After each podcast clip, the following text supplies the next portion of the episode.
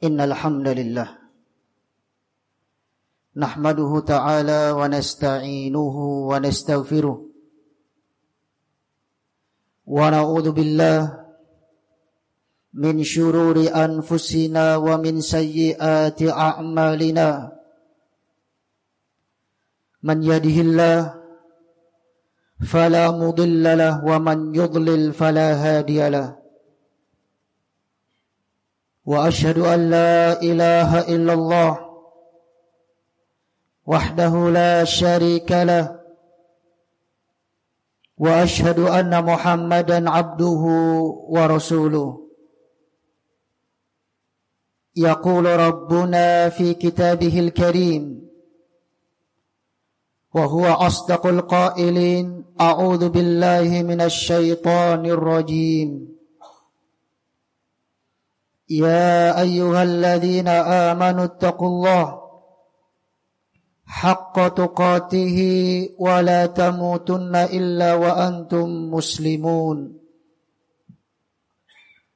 يا أيها الناس اتقوا ربكم الذي خلقكم من نفس واحدة وخلق منها زوجها وبث منهما رجالا كثيرا ونساء.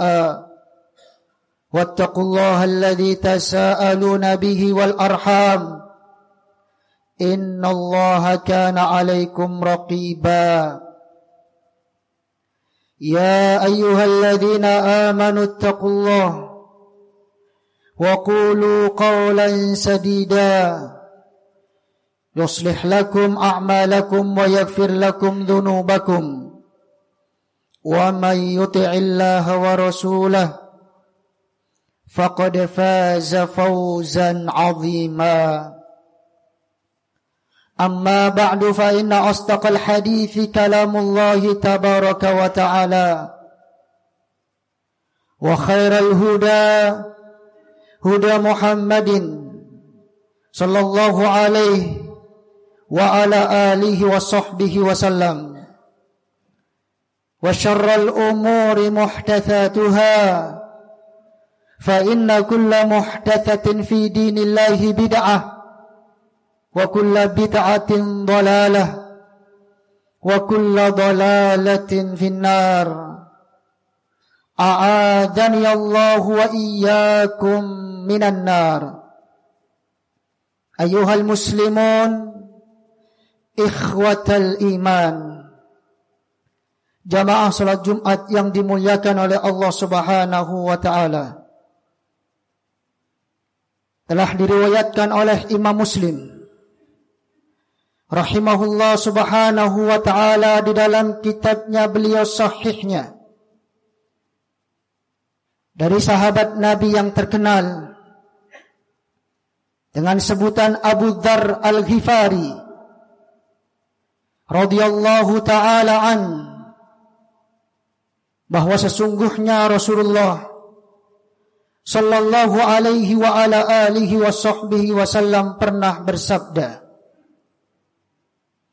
Allah Subhanahu wa taala telah berfirman Ya ibadi innakum tukhti'una bil-laili wan-nahar Ana akfiru dhunuba jami'an fastaghfiruni aghfir lakum.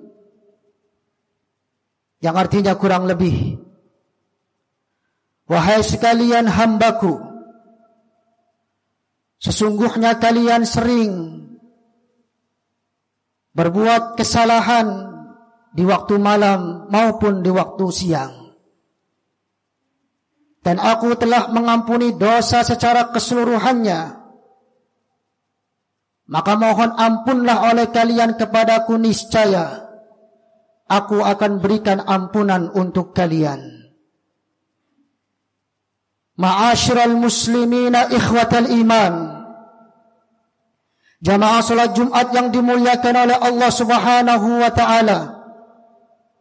Sungguh sangatlah benar apa yang sudah Allah Subhanahu wa taala tetapkan dalam hadis qudsi tadi bahwa dirinya tidak menghendaki menciptakan seluruh manusia dalam keadaan sempurna. Bebas dari dosa, bebas dari kesalahan dan kekeliruan serta kekhilafan. Oleh karenanya, dalam keseharian kita di saat berinteraksi dengan orang lain, apakah disengaja maupun tidak disengaja pasti, kita akan mendapatkan suatu kesalahan, kekhilafan yang terjadi antar kita sendiri. Dengan sudut pandang kita yang berbeda-beda. Demikian juga cara hidup kita yang berlainan. Sehingga terjadilah di antara kita kesalahfahaman. Yang mungkin bisa mengakibatkan kebencian dan permusuhan. Namun apabila seandainya kita mampu untuk memaafkan, maka dengan itu akan kembali semuanya menjadi baik insya Allah tabaraka wa ta'ala. Sebab sikap memaafkan akan mendatangkan ketenangan dalam batin kita. Demikian juga akan memperkuat ukhuwah Islamiyah. Sehingga Allah subhanahu wa ta'ala pernah memerintahkan kepada nabinya secara khusus akan tetapi hukumnya berlaku umum untuk kita semua sebagai hamba-hambanya. Maka Allah Subhanahu wa taala berfirman, "Khudil afwa wa'mur bil 'urf wa a'rid 'anil jahilin." Ambillah olehmu wahai Muhammad sikap memaafkan. Perintahkanlah olehmu kepada kebaikan dan berpalinglah dari orang-orang yang bodoh. Ma'asyiral muslimin ikhwatal iman. Jamaah salat Jumat yang dimuliakan oleh Allah Subhanahu wa taala. Seorang muslim yang bertakwa kepada Allah Subhanahu wa taala ialah siapa saja yang mampu memaafkan kesalahan orang lain terhadapnya Demikian juga mampu menahan sifat amarahnya dari perlakuan-perlakuan orang lain terhadapnya walaupun sangat menyakitkan.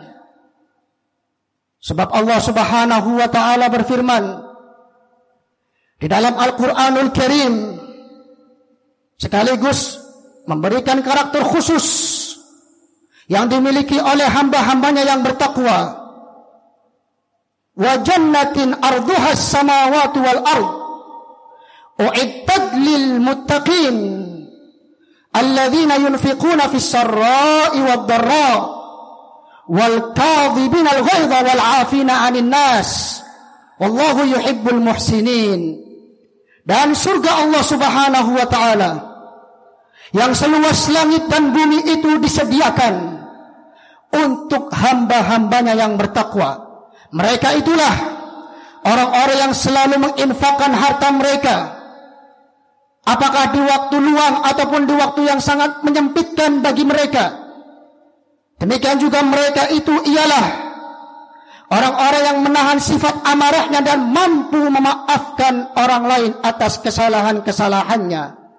Dan Allah Subhanahu wa taala mencintai orang-orang yang berbuat baik. Ayuhal muslimun ikhwatal iman. Jamaah salat Jumat yang dimuliakan oleh Allah Subhanahu wa taala.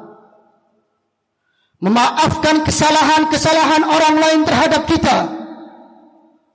Serta kita mampu belajar untuk melupakannya tidak menaruh sifat dendam sedikit pun. Karena kita ingin memiliki berlapang dada di dalam hati kita masing-masing. Ialah salah satu bentuk usaha kita supaya kita dimaafkan oleh Allah dan diampuni olehnya.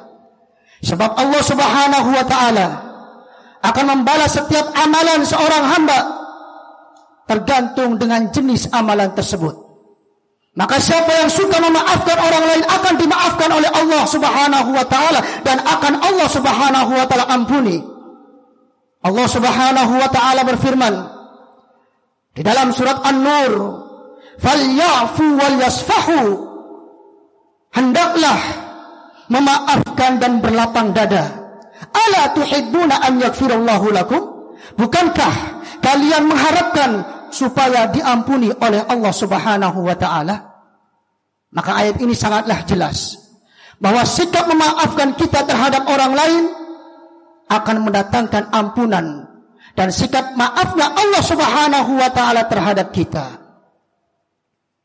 Dengan demikian seorang muslim hendaknya selalu berusaha mencari kemuliaan di sisi Allah Subhanahu wa taala dengan belajar terus-menerus memaafkan kesalahan-kesalahan orang lain serta melupakannya.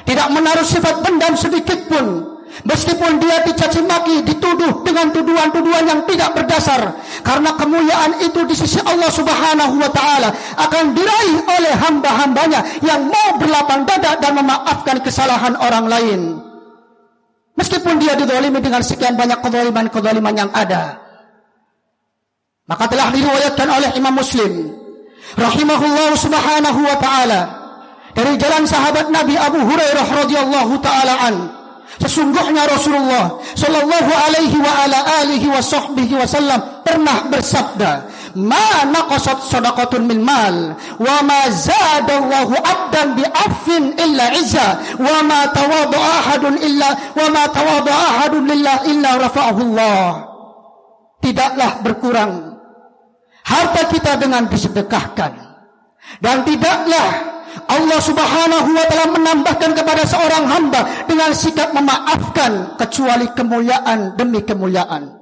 Demikian juga tidaklah seseorang yang mampu merendah hati di hadapan yang lain untuk Allah Subhanahu wa taala, niscaya Allah akan semakin mengangkat derajatnya dia.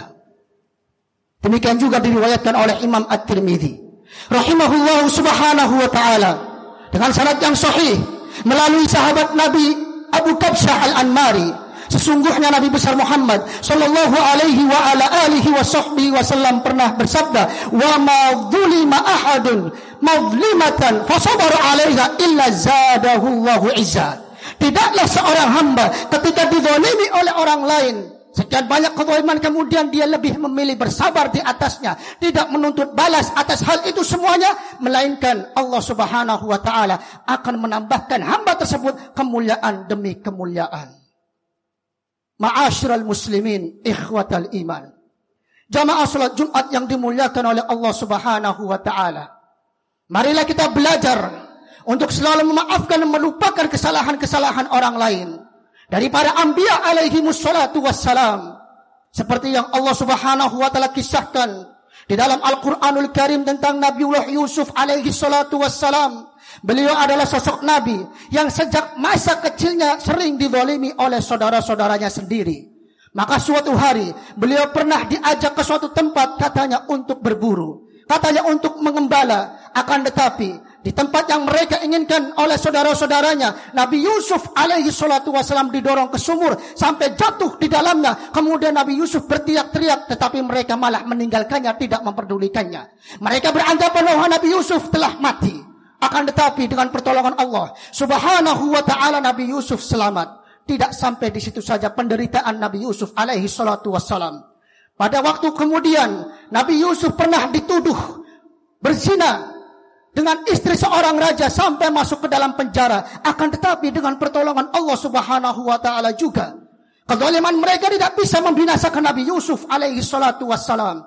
Maka Nabi Yusuf dibebaskan sampai pada akhirnya Allah subhanahu wa ta'ala berikan kemuliaan kepada Nabi Yusuf. Sehingga beliau menjadi salah satu pejabat penting, pejabat tinggi dari negara Mesir. Maka datanglah ketika itu. Beberapa saudara-saudara yang dahulu mendolimi Nabi Yusuf alaihi salatu wassalam. Ke negeri Mesir untuk meminta kebutuhan makanan hidup.